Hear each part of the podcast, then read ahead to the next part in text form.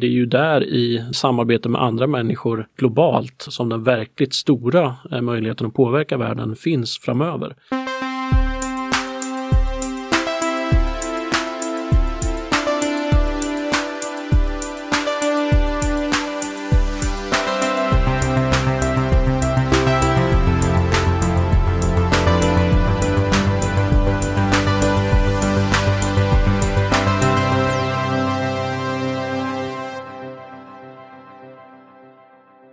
Välkommen till din favoritpodcast. Hur ska vi få framtiden att komma ännu snabbare? Så att vi får njuta frukterna av våra framsteg så snart som möjligt. Och det är någonting som dagens gäst Mattias Sundin funderar väldigt mycket på. Han är tidigare riksdagsledamot för Liberalerna. Men har efter valet 2018 hoppat av politiken för att satsa helhjärtat på sitt drömprojekt Warp Institute. Med alla aktiviteter som ryms inom det paraplyet. Eh, så idag behöver jag inte prata om eh, Warp Institute och Sveriges mest optimistiska Facebookgrupp här i inledningen. För det kommer vi in på, nämligen i avsnittet.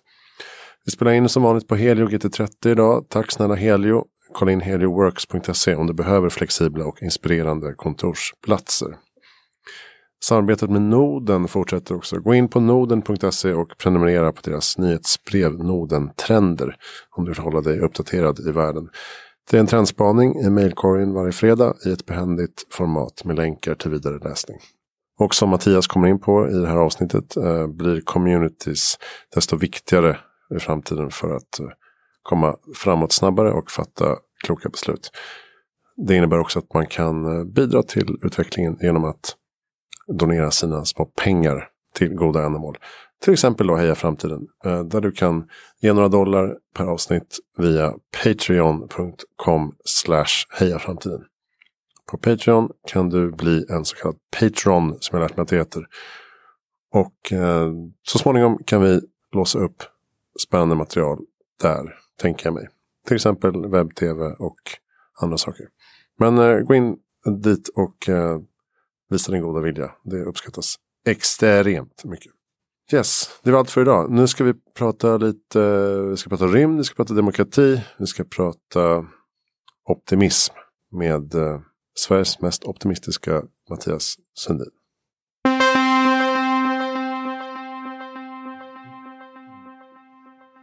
Då spelar vi in. Eh, välkommen Mattias Sundin till Här Framtiden. Tackar. Gammal riksdagsledamot. Före detta riksdagsledamot. Ja, just det. Halvgammal. Ja. Det är därför du är här. Ja. Nej. Du är här för att du driver eh, det som jag brukar tjata om i podden, Warp Institute. Just det. Och eh, lite på grund av det hoppade du också av politiken. Mm. Och eh, ägnade helhjärtat åt Warp. Precis. Ska komma tanken ja, just det. ta det från hobby till heltid. Ja, precis. Och ditt namn kom ju upp eh, på flera olika håll när jag började liksom researcha och prata med folk om att göra den här podden för ett drygt år sedan. Bland annat Birgitta Olsson, eh, Liberalerna, svarade på något massutskick-mail som jag hade. Hon låg med där på något sätt. Hon sa direkt, prata med Mattias Sundin.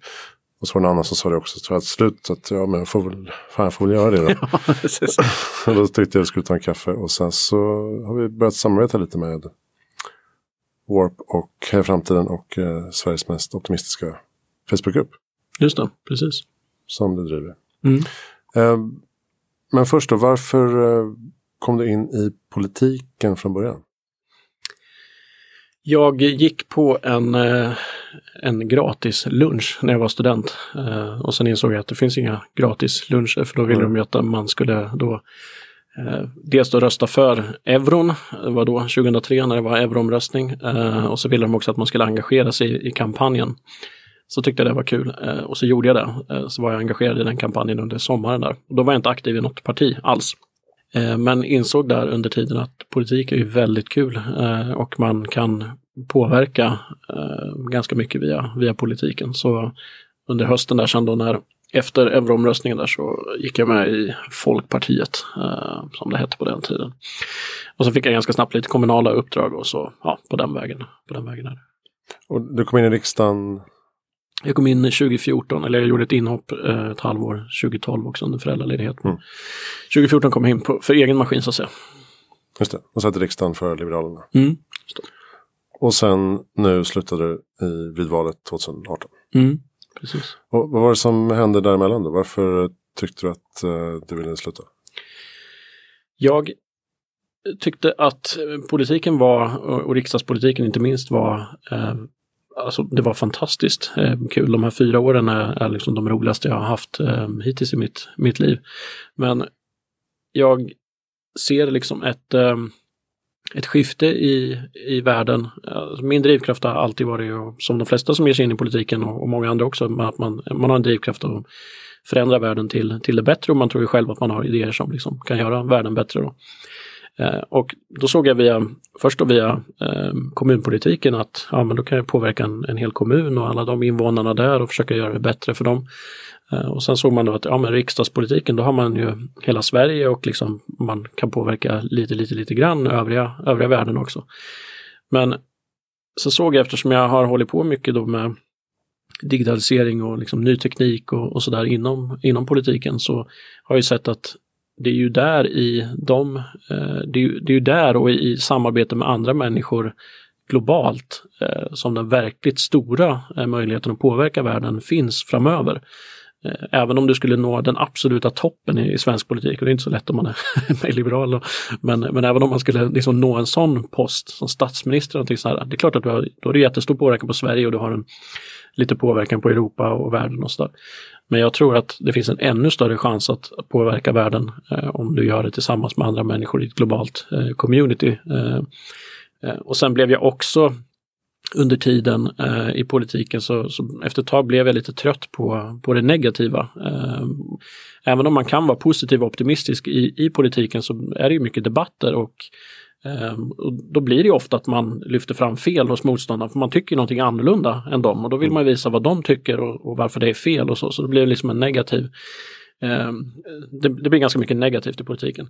Och jag har känt mer och mer med åren går att liksom, men det är inte där det viktiga är att lyfta fram allt negativt. Ehm, det finns det så många andra som, som gör eh, på ett alldeles utmärkt sätt. Så min roll är snarare att liksom lyfta fram det optimistiska istället och då är det lättare att göra utanför politiken. Men saknar du också långsiktighet i politiken? Alltså det, politik är ju av naturen långsiktigt men i praktiken kanske inte är så långsiktigt.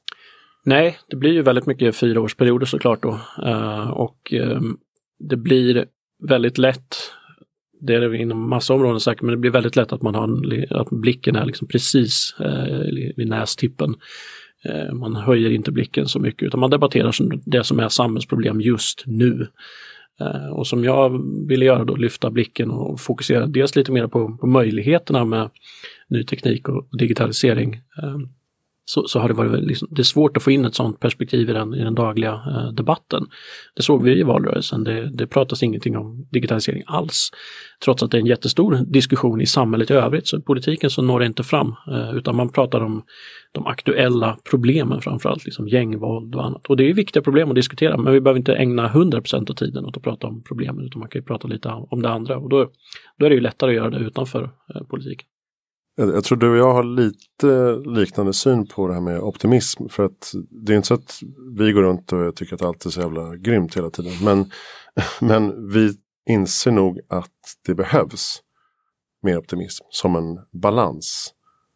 Varför är det så svårt att uh, se framtiden och världen i ljusdagar, tror du? Varför är det så mycket negativitet ja, runt omkring oss? Nej men precis, jag tror vi har eh, Eh, liknande eller samma eh, uppfattning där. Det är inte att man råkades födas med ett otroligt soligt sinne och liksom tycker att eh, ja nu när jag kom hit så regnar det var allmänt pissigt väder. Jag ser liksom inget, det är inget bra med det. jag tycker det är dåligt. Um, jag, jag, liksom, jag, är inte en sån person som försöker, ja, men jag försöker vända det till något positivt i alla fall. Liksom, utan jag gnäller över vädret. Uh, så. Men jag tycker det är uh, att jag är optimist uh, grundar sig i fakta om hur världen utvecklar sig. Att den har gjort det i hundratusen år, framförallt se på senare tid, eh, liksom hela tiden blir bättre. Och då antar jag att det finns en god chans om vi fortsätter de här grejerna, att vi fortsätter att göra bra eh, saker och göra det bättre. Vi har en god chans att göra det. Och anledningen att det tror jag att det är svårt att Eh, få fram optimismen eller att, vi, liksom, att den tar en stor del i, i, i samhällsdebatten eller, eller så är väl att eh, det kan väl dels vara det som till exempel Hans Rosling skriver om i, i och, och, de andra Rosling i Factfulness att vi är, vi är sedan långt tillbaka eh, sätter vi större fokus på faror. För det var ganska rimligt eh, om faran var att du kunde bli uppkäkad eller liksom dö av något på något annat sätt. Men idag lever vi inte i ett lika farligt samhälle men vi ändå är lika alerta på det. Precis som att vi eh, tycker att det, vår kropp gillar när vi proppar i oss socker. Eh, men, men nu behöver vi inte socker på samma sätt så då måste vi liksom aktivt ta kontroll över, över detta. Och på samma sätt behöver vi aktivt ta kontroll över vad vi konsumerar för media och hur vi ser på, eh, på, på världen. Men sen har det också blivit någon sån här grej att är du är du optimistisk och tror att det ska gå bra, även om du baserar det på fakta, eh, så Ehm, är det lätt att framstå som naiv om man, att man blir kallad naiv eller eh, att, det är en, att det är någon religion eller någonting sånt där. För att många kanske känner att det liksom är jobbigt att sticka ut hakan på det sättet. Om man du skulle ha fel av någon anledning så blir man liksom, men du var naiv, du var en idiot eller du var liksom. Och därför eh, så tror jag en del passar sig för det och det är liksom lättare att späka sig själv och framhålla något negativt. Eh, titta på den här faran, det här kan gå fel. Ja, absolut, det kan det göra. Men vad är din lösning på detta då istället? Mm. Men det är väl något sånt kanske. Och det kan man också se kanske på Facebook och Twitter att man drar sig nästan för att posta något som är enbart positivt eller peppigt för att då kommer alltid någon jävel. Precis. Ja, fast eh, här är en annan länk. Just det, exakt.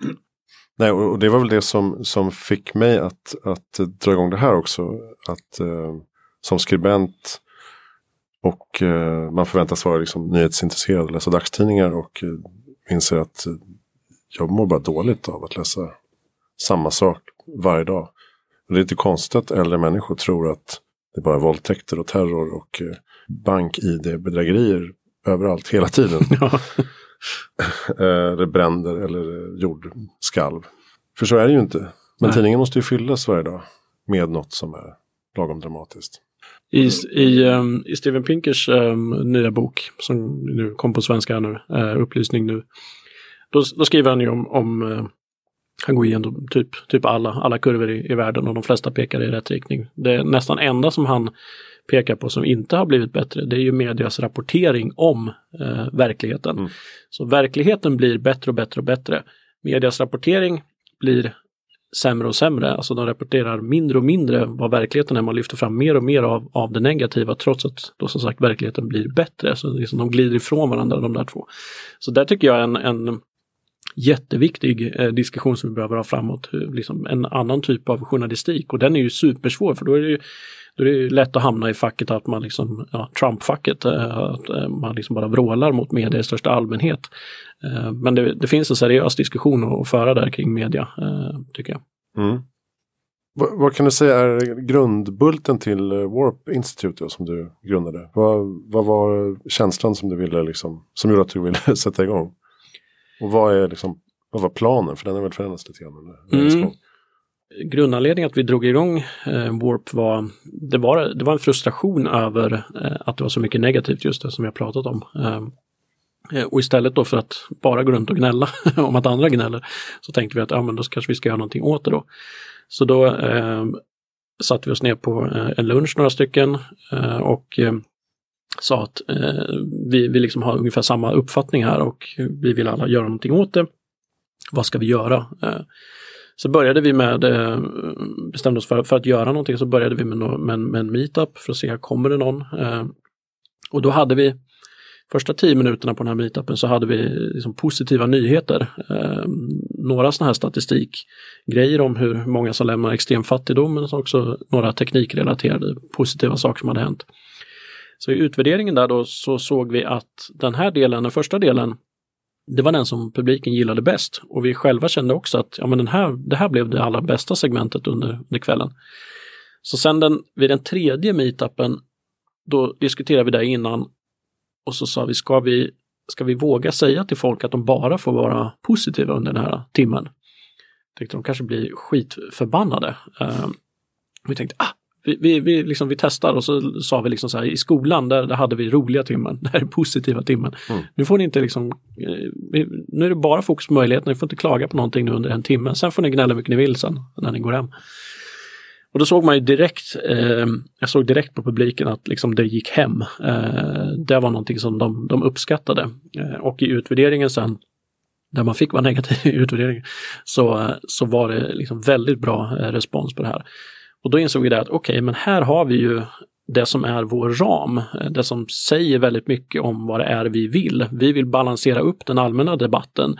Ehm, och därför startade vi just sen också då Sveriges mest optimistiska Facebookgrupp med samma regel där, att du får bara vara eh, positiv i den här gruppen. Vill du vara negativ så har du hela övriga Facebook och, internet.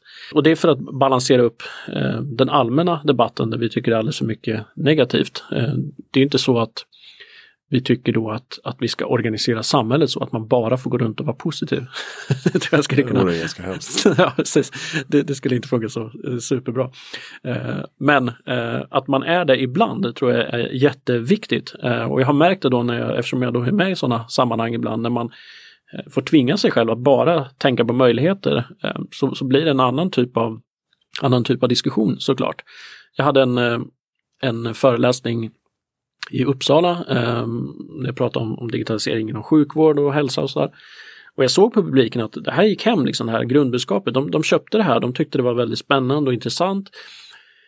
Och så kom vi till frågestunden eh, och många inledde frågan då med att säga så här, det här är jättespännande, vilken intressant grej, vilken positiv utveckling. Men kan inte det här vara ett problem? Och så, tror de, och så nästa, liksom, precis samma sak. Men det här då? Skulle inte det här kunna vara ett problem? Och så var det någon, någon lat rackare som inte ens komma på, orkade komma på problemet själv utan sa, vad ser du för problem mm. med det här området? Och jag tänkte, vad, och, och, så var då alla frågor eh, under en halvtimme här utom en vad den här, precis den här typen av problemformulering. Trots att de var positiva till budskapet. Nästan alla som var där var positiva budskap. Så när jag gick hem så tänkte jag, vad är det som gör att vi är så totalt superfokuserade på att hitta problemen i det här? Ja, det kanske är de här förklaringarna att det är så vi har liksom överlevt tills nu, eller vad det nu är, jag vet inte, det finns säkert ja, det massa. Det kan vara ett, ett, sätt att validera också. Att, eh, mm. här, ja, men det här är min tes, ja men har du tänkt på det här, tänkt på det här och så kan man förklara det och argumentera så blir den starkare. Ja. Att det blir någon vetenskapsteoretisk eh, liksom, utbyggnad. Där. Det vore ju rimligt tycker jag om det typ vore 50-50 eller någonting mm. sådär. Men när det är 100 eh, en negativ eller 100 eh, problemformulering, det, det är där jag tycker att då är det någonting som är lite konstigt här i hur vi... För det rimliga vore ju om en, att man ställer ett antal sådana frågor för att just validera eller liksom så här, men det här då skulle inte kunna bli något problem. Men att man också ställer några frågor som det här är en väldigt intressant utveckling här inom sjukvården. Då. Hur skulle vi kunna få det här att hända snabbare eller bättre eller bredare eller vad det nu är. Att man ställer också den typen av möjlighetsfokuserade mm. frågor. Uh, hur nära är vi det här? Liksom, vad, vad liksom, är det här två år bort? Okej, okay, okay, liksom, hur förbereder vi oss på det när det verkligen är möjligt och så. Så det är liksom den balansen jag vill få till och som Warp vill få till i, i, i den allmänna samhällsdiskussionen kring. Ska vi definiera då Warp-kurvan? Just det, eh, vi heter ju Warp Institute eh, och eh, av två anledningar. När, vi, eller när jag satt hemma och funderade på, på namn så ville jag ha någonting som symboliserade att vi vill mot framtiden snabbare. Och våran slogan och mission är ju Make the future come sooner, få framtiden att komma snabbare. Och Warp, för de som kollar på Star Trek eller science fiction så är det Warp Speed. Men Warp betyder ju också böja på på engelska. Eh, och eh, det är det som händer nu. Vi har inte en linjär utveckling inom de flesta eh, teknikområden, i alla fall inte när saker och ting blir digitalt, utan vi har en exponentiell eh, utveckling, vilket är ett krångligt ord att, att använda, men att någonting blir dubbelt så bra eller snabbt varje eller vartannat år. Och då får en sån kurva, i början så ser den ganska långsam ut, ser ut som en linjär kurva som kanske blir 10% bättre varje år. Men efter ett tag så böjer den eh, kraftigt uppåt och, och framförallt då att den accelererar hela tiden. Det, det går inte bara eh, snabbt, det går snabbare och snabbare och snabbare. Kurvan böjs eh, hela tiden. Och i den här böjningen, den är svår att förstå. Eh, det är bara att fråga Kodak eller Nokia eller Facit eller något så här. Eh, den är svår att förstå hur snabbt det går när det accelererar hela tiden. Därför missbedömer vi väldigt lätt eh, hur, hur snabbt man kommer ha självkörande bilar eller sådana saker. Så det försöker vi i Warp förklara på olika sätt eh, så att så många som möjligt ska förstå det och se de möjligheterna. För kan du förstå att kurvan böjs och någonting är dubbelt så bra om två år, eh, då kan du också ligga lite före kurvan och förbereda dig på detta och, och liksom bygga tjänster eller företag eller eh, organisationer som är, är beredda på, på den här ökningen. Och det här skriver du en bok om nu? Just det, precis. Warp-effekten heter den. Den kommer ut här i andra halvan av november eller någonstans eh, där. Mm. Och den publicerar du själv och bara köttar ut? Ja, precis. Eh, tanken är, eh, ja precis, den kommer ut eh, självpublicerad nu och sen får vi se eh, nästa år någon gång så är liksom tanken att lägga ut den fritt på, på nätet också. Men nu kommer den som, som pappers, analog pappersbok först. Mm. Och varför är det viktigt för dig eller er att eh, framtiden ska komma snabbare? Vad, vad ligger i det begreppet? Ja, vi tycker att det finns så mycket positivt som, som händer eh, och det finns ingen anledning att, att vänta eh, i onödan på, på dessa grejer. Eh, om man tar det med eh, medellivslängd eh, till exempel, om du spolar tillbaka tiden 50 år så eh, då levde vi i Sverige här då, i, eh, då var den förväntade livslängden 73 eh, år och idag är den 82 år. Och drar vi, drar vi då ut tiden, eh, om vi bara tar nuvarande kurvor eh, och gör det väldigt enkelt för oss och så drar vi ut tiden 50 år eh, framåt. Så då har, vi, då har vi adderat ytterligare ungefär 8-9 år på medellivslängden. Och då tänker vi att det finns ingen varför ska vi addera så lite under de här kommande 50 åren? Vad, vad kan vi göra för att snabba på eh, det här så att, så att vi adderar 20 år eller någonting under den här perioden istället? Man kan säga, okej okay, vad, vad, spelar det, vad spelar det för roll då? Eh, är, det, är det liksom så bra att, att leva längre då till exempel? Ja, jag, jag, tror att eh, eller har man ett filosofiskt resonemang om det, då finns det nog en del som tycker att nej, men det är ganska lagom att dö vid 80. Liksom. Men frågar du någon som är 80 om de vill liksom coola imorgon så svarar de flesta nej eh, på den frågan. Och återigen, om du spolar tillbaka tiden 50 år, eh, eller om vi skulle ha, vi säger att vi skulle ha samma medellivslängd nu som vi hade för 50 år sedan, om vi säger så istället då skulle flertalet av de som nu lever eh, och är 75, 80, 85, de flesta av dem skulle vara döda. Eh, då. Vill vi ha det så? Vill de ha det så? Nej, jag tror inte det. Så då vill vi identifiera eh, i det här communityt saker som bör ske snabbare och just den här eh, Make the future come sooner så är Make-delen viktig. Eh, vi tror att bygger vi upp ett sånt här globalt community med många hundratusentals människor eller ännu fler runt om i världen så kommer det börja uppstå otroligt spännande idéer mellan de här människorna. Om man sammanför dem fysiskt online, om man eh, bidrar med den här kunskapen och informationen, om man utbyter den, om vi får ett brett eh, man kommer från många olika länder, många olika kulturer och så, så kommer det i, liksom i skärningspunkterna mellan alla de här människorna i idéutbytet här, så kommer det börja födas otroligt spännande idéer som vi tillsammans i communityt eh, kan bestämma att de här är de viktigaste eller bästa. De försöker vi förverkliga. Eh, här försöker vi bidra till att få framtiden att komma snabbare, att göra det bättre, ännu snabbare. Elflyg eller flyg är ett sådant område som är jätteaktuellt i svenska debatten nu. Mm. Uh, hur kan vi få det att ske snabbare då, överflytten till elflyg istället för att vi ska sluta flyga? Typ exempel. Ja, det tänkte jag komma in på också. Du har varit lite aktiv i den, i den frågan. Det, det är ett bra exempel. Um, för att de flesta vet ju inte att elflyg överhuvudtaget existerar. Skulle jag tro. Nej, precis. Men i Sverige är man ju ganska långt framme.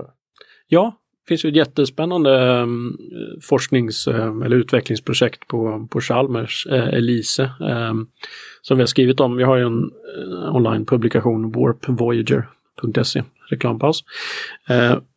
Där vi, vi var på ett eh, seminarium och skrev om detta och då, eh, Anders Forslund heter han som är forskningsledare eh, där. Som jag tänkte försöka få hit också. Ja, precis. Ja, eh, han vore ju en otroligt intressant eh, gäst. Men nu är vi ju inne i, just flyget är så himla spännande för nu är vi ju, nu har liksom den debatten är att utsläppen för flygen är dåliga och det håller ju de allra, allra flesta med om, jag också och Warp också. Och så har den lösning som framförallt har framförts är liksom att vi ska kraftigt minska eh, vårt resande med flyg. Och jag är helt för att man liksom vissa sträckor, alltså behöver inte sitta och flyga Stockholm-Göteborg, det går ju alldeles utmärkt att ta tåget. Men det är ganska jobbigt att ta tåget till, till Tokyo. Eh, det går väl, men, men det tar ju ett tag. Liksom.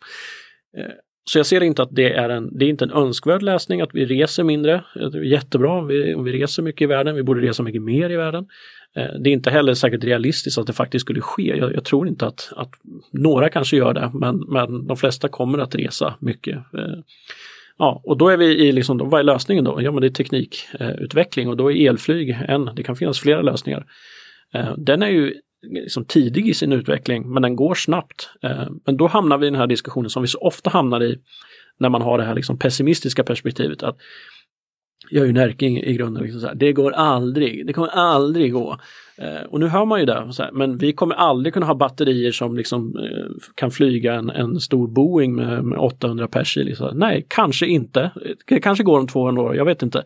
Men vi måste ju inte ha jätteflygplan som ser ut som de gör idag. Och det är just det Anders Forslund då säger. Eh, att när vi, när vi om vi spolar tillbaka tiden till liksom när vi pratade om bilar istället för, för liksom hästdroskor, så där man såg framför sig då var en droska utan häst. Och nu tänker vi flygplan som flygplan ser ut nu fast de går på el. Några kanske kommer göra det. Men vi, det kan bli en mängd olika sorters flygfarkoster. Eh, och då vill vi liksom vara med och bidra med det här teknikperspektivet. Och så säger folk, ah, okej, okay, det är jättebra, det vore jättebra om vi hade elflygplan, men det tar för lång tid. Okej, okay, men hur får vi det att ske snabbare då? Mm. Ja, just det där, det kommer aldrig gå argumentet, det är så jävla konstigt. Så vi kommer aldrig kunna ha en, liksom, en dator i fickan där vi gör alla ärenden vi kan komma på. Bank, kalender, telefonbok, anteckningsblock, eh, post. Nej, det kan inte gå. det är helt omöjligt. ja. Det är ganska fort. ja, säga. precis. Ni har ett eh, projekt som är speciellt intressant just nu som har med rymd att göra. Och du är ju lite rymdnörd. Mm. Var kommer ditt rymdintresse ifrån från början? Jag har alltid varit så lite intresserad eh, på om det var typ högstadiet eller gymnasiet eller något så här så var jag intresserad av astronomi. Det var nog mest för att jag ville vara annorlunda. det, det gav inte så mycket tjejer eh, tyvärr så att jag övergav. Nej, jag fattar inte varför men, men eh, så jag övergav det här intresset eller liksom så. Så det har väl funnits latent någon form av rymdintresse där bakåt i tiden. Men jag, jag har inte varit så här absolut inte nördat ner mig i det.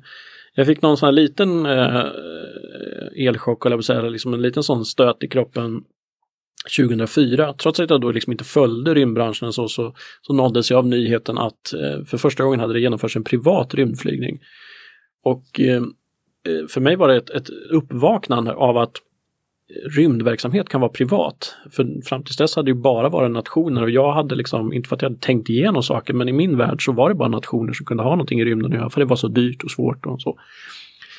Um, så, så där fick jag något litet uppvaknande kring det privata rymdflyget. Men sen har det varit på senare år så har det varit en kombination av att eh, liksom börja följa eh, Elon Musk eh, och hans eh, visioner och blivit inspirerad av det. Eh, och sen då i, i riksdagen så upptäckte jag att Sverige lägger nästan 2 miljarder per år på, på rymdverksamhet men vi har ingen politik eh, egentligen. Eh, inte i alla fall någon, någon, någon, sorts politisk diskussion om vad vi ska ha de här, vad vi vill göra med de här pengarna, vad vill vi uppnå med den här rymdverksamheten. Mm. Så då började jag sätta mig in i, i det hela. Eh, och då visade det sig att det fanns ett jättesug i rymd-Sverige för att liksom politiken skulle bry sig om, om det hela.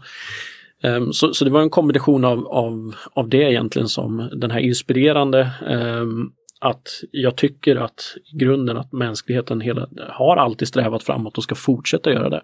Och då är liksom utforskning och att kunna bo ute i solsystemet, det är liksom bara nästa stora grej som mänsklighet. Mm. Ja, och Sverige ligger ju ganska långt fram i, i rymdforskningen.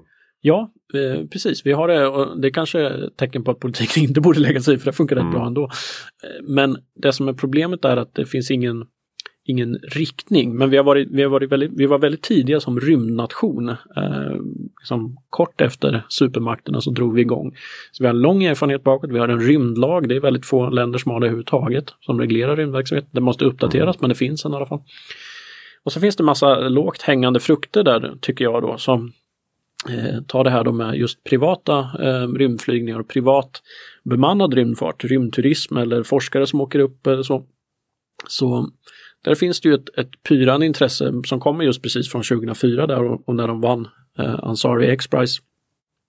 Eh, Blue Origin, Virgin eh, och andra är, är på gång Eh, och är nu förmodligen väldigt nära att börja genomföra de första eh, liksom privata rymdflygningarna där du och jag, om vi har tillräckligt mycket pengar, skulle kunna åka upp.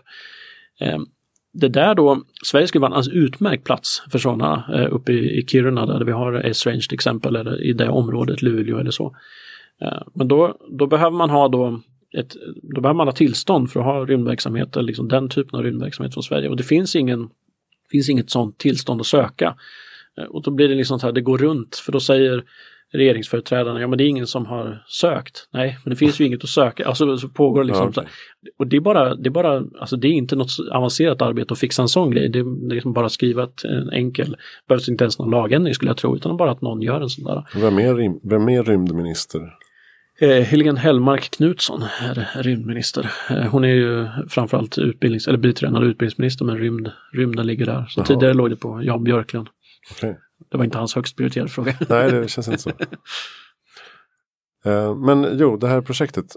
Det är ju alltså en privat rymdexpedition kan man säga.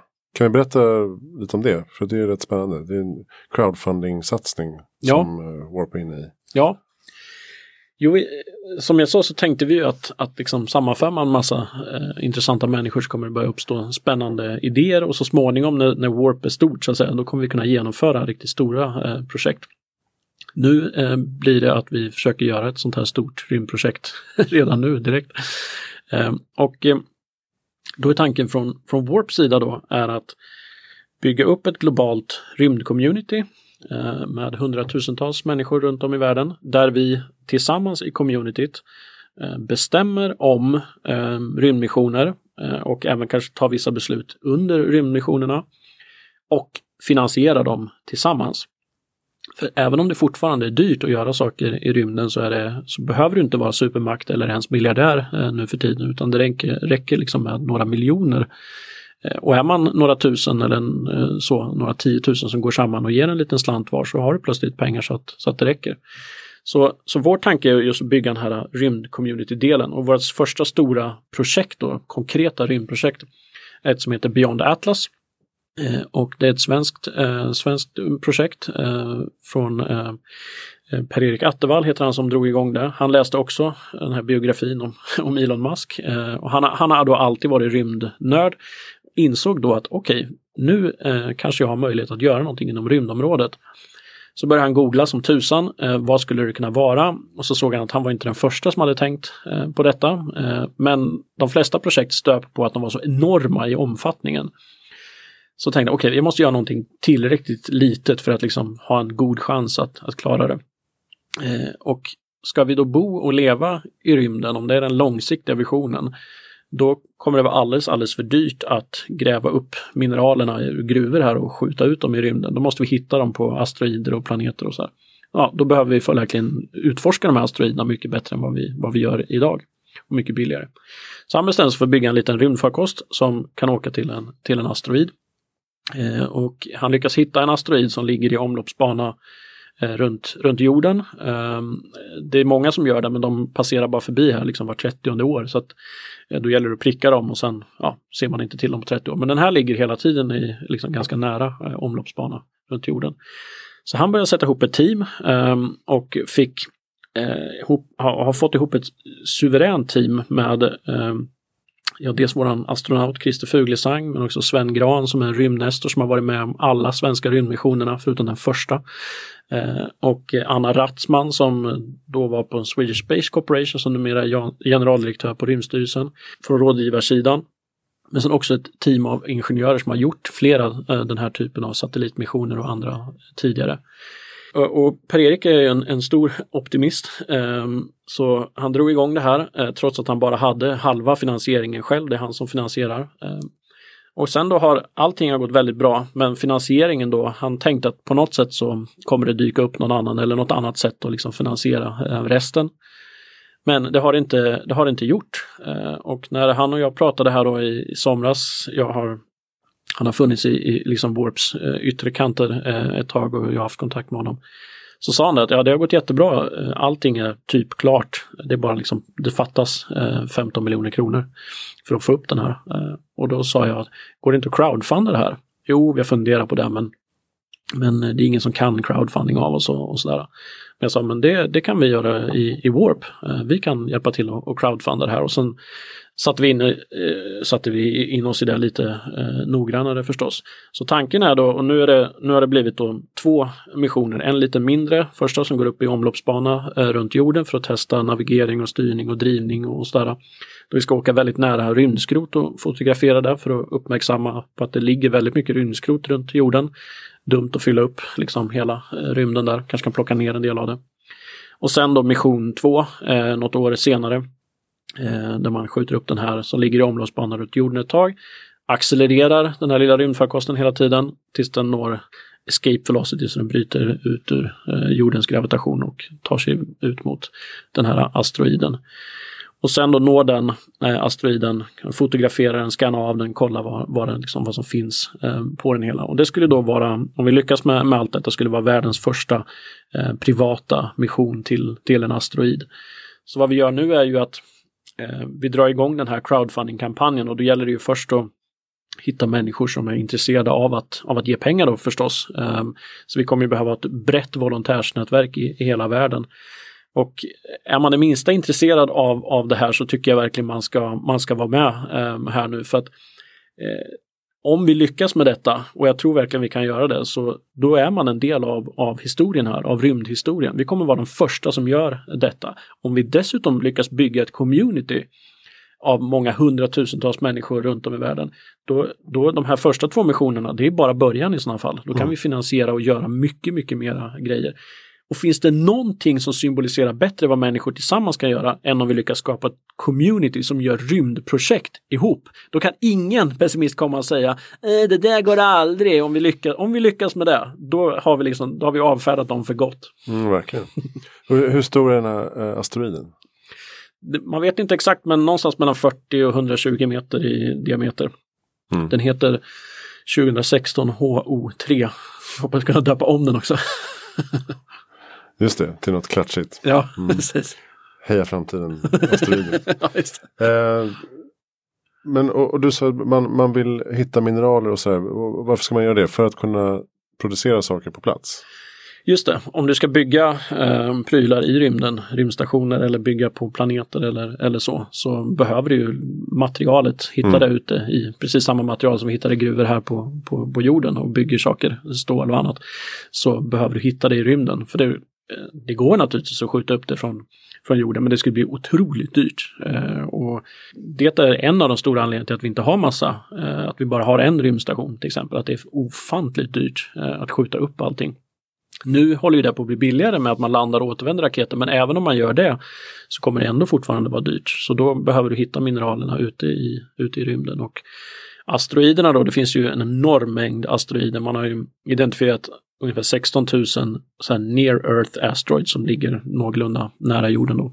Men det finns ju otroligt många mer. Eh, och de som man har liksom man har försökt göra olika bedömningar av det här men det finns ofantliga mängder mineraler och mineraler som är otroligt värdefulla på jorden. Eh, och så. Så, att, så det är en, en väldigt tidigt i eh, en potentiell liksom, stor industri här. Det ligger ju några årtionden bort förstås att liksom kunna verkligen eh, börja använda det här om någon ska tjäna pengar på det så, så, så är det ju många år bort. Men, men i alla fall, eh, det skulle möjliggöra både att vi liksom gör raketbränsle ute i, i rymden men också bygga, att mm. materialet är faktiskt bygga saker. Hur långt är vi från eh, privatresor till Mars tror du? Till mars skulle jag tippa på att det i alla fall är en sådär 15-20 år eh, kanske. Sen skulle jag, eller ja det beror på vad man menar med privatresor i och för sig, att, att SpaceX skulle kunna ta sig dit på 20-talet, det, det, tror jag är fullt eh, möjligt. Eh, man ska ju ta alla Elon Musks eh, bedömningar vilken tid det tar och så kan man addera några år på det. Han är mm. väldigt dålig på att uppfylla saker i tid men han är otroligt duktig på att uppfylla dem så småningom. Så någon gång på 20-talet är väl inte alls omöjligt att, att vi liksom har de första människorna eh, på Mars. Men, men det är svårt. Det är långt och det är svårt som attan så att om det skulle gå in på 30-talet det inte, det skulle inte vara oväntat. Liksom. Men Mars har ju varit ett stort fokus från Elon Musk och han har liksom väckt den och det där är den, naturligtvis den nästa stora planeten.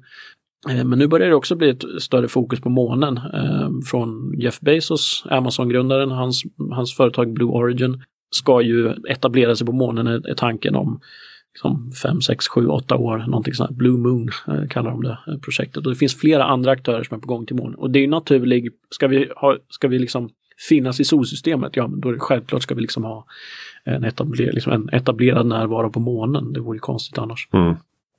Ja, det är egentligen märkligt att det inte hänt mer sedan 60-talet. Ja, precis. Och det, jag tycker att just det är det bästa exemplet på, för, för, för, det kan ju lätt bli så här när man pratar om, om de här warpkurvor och, och annat att man säger så här, men ni liksom bara tror att saker och ting bara kommer hända och man kan spå framtiden exakt och så vidare. Och det finns goda argument för att det kommer att, att hända, men vi vet ju att det kommer inte att hända om, inte, om ingen gör det. Det är ju ingen automatisk utveckling, någonting av detta, självklart. Och just rymd eh, tycker jag är, är det bästa exemplet på vad som händer om man, om man slutar göra. Eh, och eh, bästa exemplet på vad som händer om man verkligen anstränger sig för någonting från eh, början av 60-talet. Eh, sätter upp, Kennedy sätter upp det här målet att innan årtiondet, om man lyckas med detta, man spenderar enorma pengar, över 4% av USAs BNP gick till det här rymdprogrammet, men man klarar det. Och sen då så åker man dit några gånger till. Men sen 1972 Eh, när Gene Cernan eh, klev av från månen och upp på eh, den eh, månfarkosten så har ingen människa varit där sedan 1972. Och jag gissar, hade du frågat någon 1972, eh, någon random person på gatan, så här, var kommer människan att vara i solsystemet 2018? Då hade de ju, liksom Mars skulle de flesta gissa att det är vi klarar av på 80-talet eller mycket tidigare. Mm. Vi är långt ute på flera planeter och vi har stora rymdstationer och så vidare. Istället har vi retirerat rymden. Vi har en rymdstation och den är väldigt cool.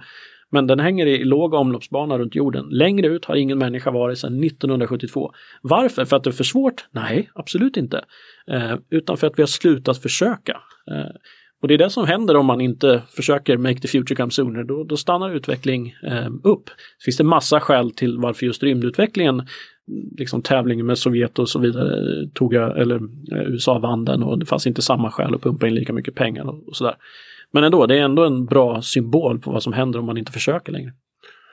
Det känns inte väldigt serietidningskomiskt att så här, Bezos, eh, Elon Musk och Richard Branson alla har varsitt så här, rymdföretag som ska ja. eh, så en kapplöpning om vem som är först. Och, så här, alfahannar. Ja. exakt. Jo, jo, det är verkligen det nya rymdracet nu liksom. Eh, är ju mellan miljardärerna. Eh, men jag tror att... Istället för att köpa en sportbil. Så...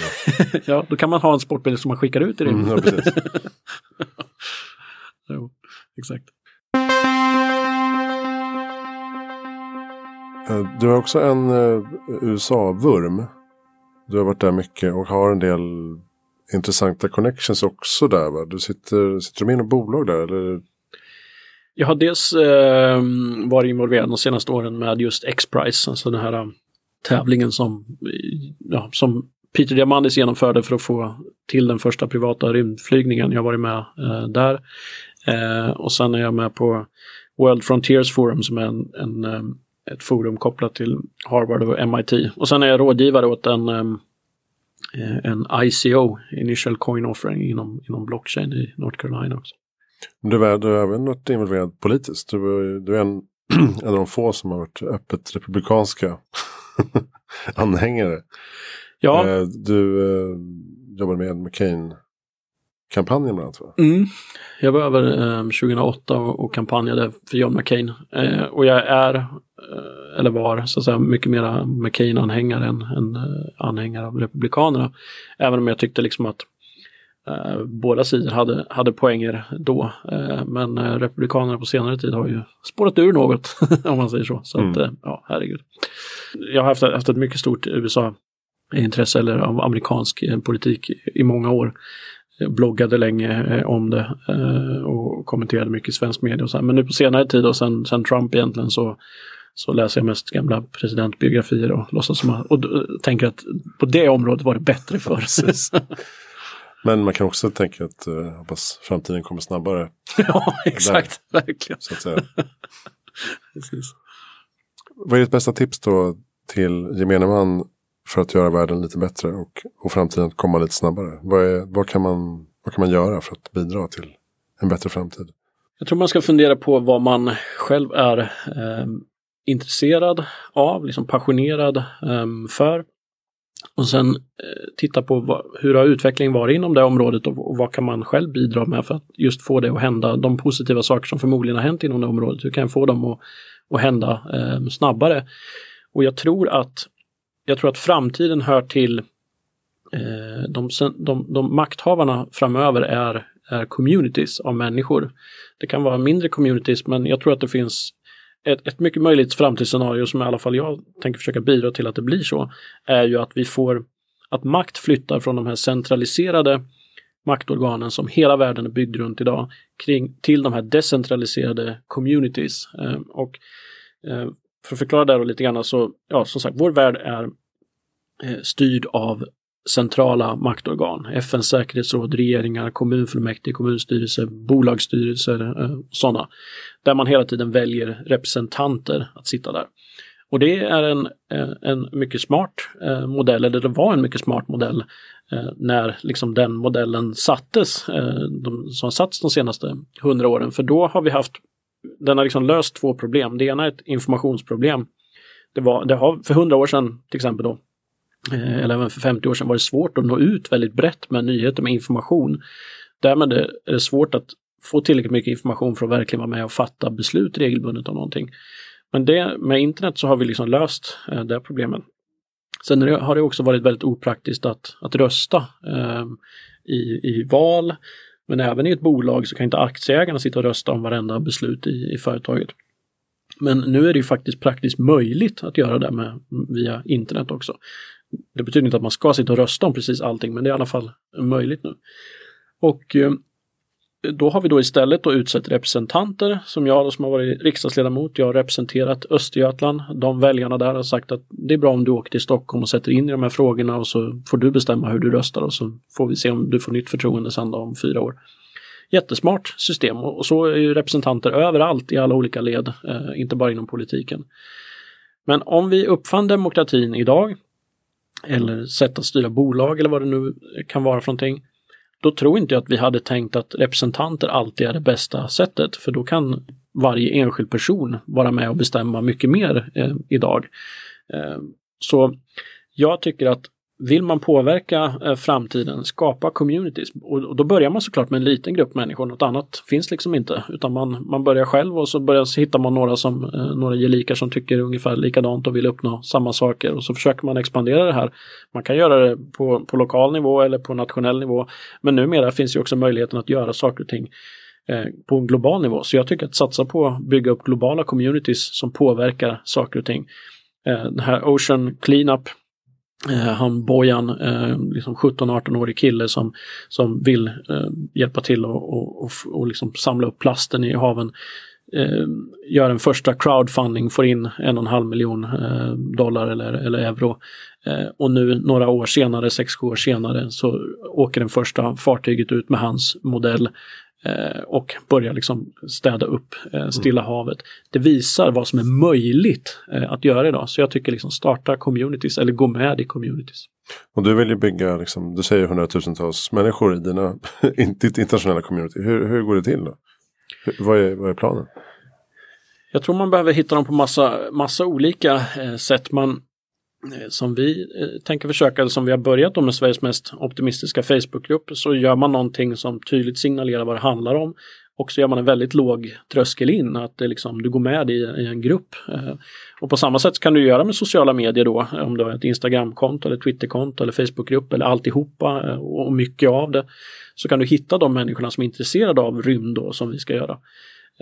Och när de är, när de har liksom den här låga tröskeln, när de har kommit in där, så nästa steg är ju att få dem lite mera eh, committade i eh, det här communityt, att de lämnar sin mailadress, att de börjar liksom följa vad som händer i communityt.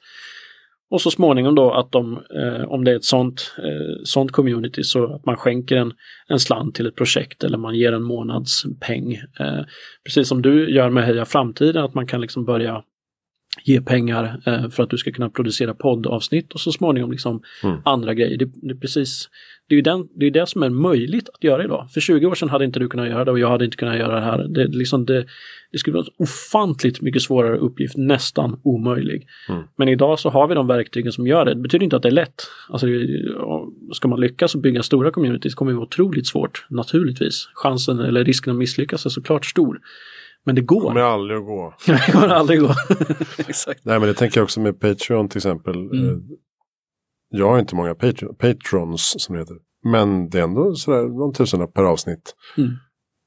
Och har jag, jag tänker, har man, skulle jag ha tusen patrons? Patrons, Patroner. patroner, ja men det heter det. ja, det är väl Eh, så. Ja. Har jag tusen, då blir det jättemycket pengar. Ja. Och tusen är inte så mycket. Alltså Av fyra hela. miljarder av människor som är online. Precis. liksom. Ja, ja, precis. nej. Sen är det, inte, det är inte lätt, men det går ju. Och som sagt, tusen, eh, Kevin Kelly är det väl, ja, Kevin Kelly som så, kallar wired. eh, Ja, precis. Wired, eh, precis, i grundaren. Eh, han, säger, han, han kallar det ju thousand fans. Hittar du vad du än är, vad du än är liksom passionerad för eller vill göra. Om du kan hitta tusen personer som betalar dig 100 kronor i månaden för att göra det, då kan du leva bra på det och kan göra det. Och som sagt, du har ändå 4 miljarder att hitta dem bland. Eh, så det är inte lätt att hitta dem bland de här 4 miljarderna, men det går numera. Hör ni det där ute? Mm. Eh, Dra ett, ert strå till stacken. Eh, så att vi kan få framtiden att komma snabbare och bli ljusare. Lästips tänkte jag komma in på. Du läser ganska mycket och har väl en hel del idéer om vad vi borde ta med oss i bokhyllan. Ja, det Ta finns... med oss i bokhyllan. Analogt. Ja. Ja, det finns hur mycket som helst, men min absoluta eh, favoritbok är eh, The Wisdom of Crowds. Eh, som just visar med en mängd olika eh, fascinerande exempel på hur människor i grupp eh, är fantastiska på att fatta beslut i, under rätt förutsättningar ska man säga. Människor i grupp kan också fatta idiotiska eh, beslut under fel förutsättningar. Men under rätt förutsättningar som han går igenom i den här boken så är vi otroligt duktiga på att, att fatta beslut. Det är ett väldigt starkt argument för eh, varför demokrati funkar. För man kan tänka att det låter, det låter ju rimligare att en grupp experter eller någon riktigt smart snubbe skulle kunna styra ett land bättre än liksom fem miljoner random människor där det Mm. finns några jättesmarta och några helt, som är helt dumma i huvudet eh, och allt däremellan. Men han visar i den här boken just varför eh, det funkar så bra med den här typen av eh, stora grupperingar som fattar sådana beslut.